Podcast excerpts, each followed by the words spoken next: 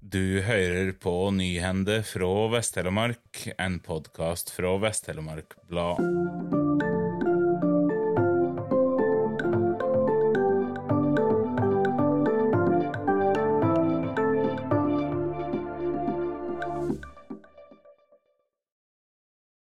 Onsdag ble den tidligere bibliotekaren i Kviteseid dømt til fengsel i ett år og seks måneder for å ha filma 25 mindreårige jenter på publikumstoalettet ved biblioteket.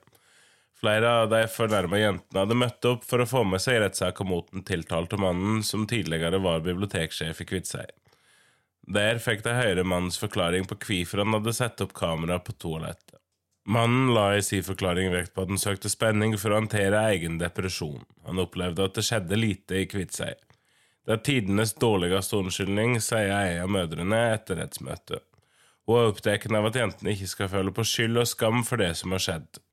Mange av de fornærma jentene i saken er ungdomsskoleelever. Flere av mødrene var også til stede da den tidligere biblioteksjefen var dømt til tingretten tirsdag. De forteller at biblioteket var en sosial og hyggelig møtearena for ungdommen i Kviteseid. Jentene gikk ofte dit etter skolen, der gjorde de mellom annet lekser.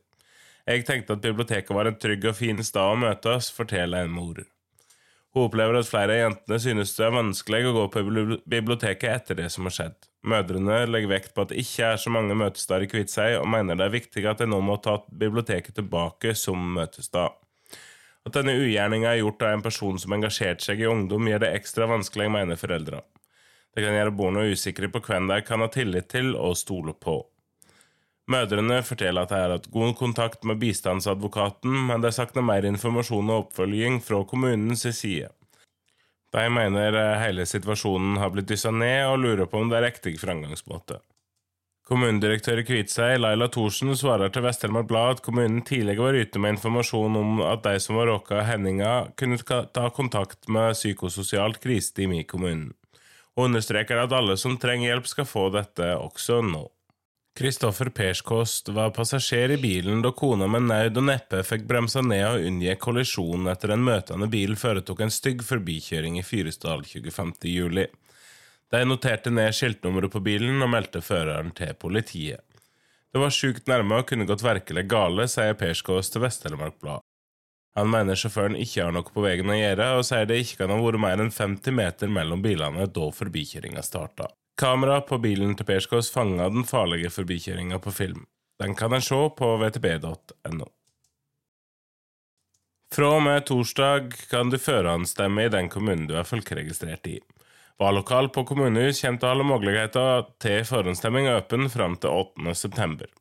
Den ordinære valgdagen er mandag 11. september, og flere bruker denne perioden i forkant av valget til å stemme nå enn tidligere. Tall fra Statistisk sentralbyrå viser at så mye som 51% av stemmene ved kommunevalget i 2019 var førehåndsstemmer. I 2015 lå dette tallet på 32% og på 28,6% i 2011. I SSBs måling i 1979 var det bare 7,8% som førhåndsstemte. Tusen takk for at du hørte på. Denne sendinga var produsert og presentert av Aslak Ringhus for Vest-Telemark Blad, og musikken er laga av Symre Taugbølbang.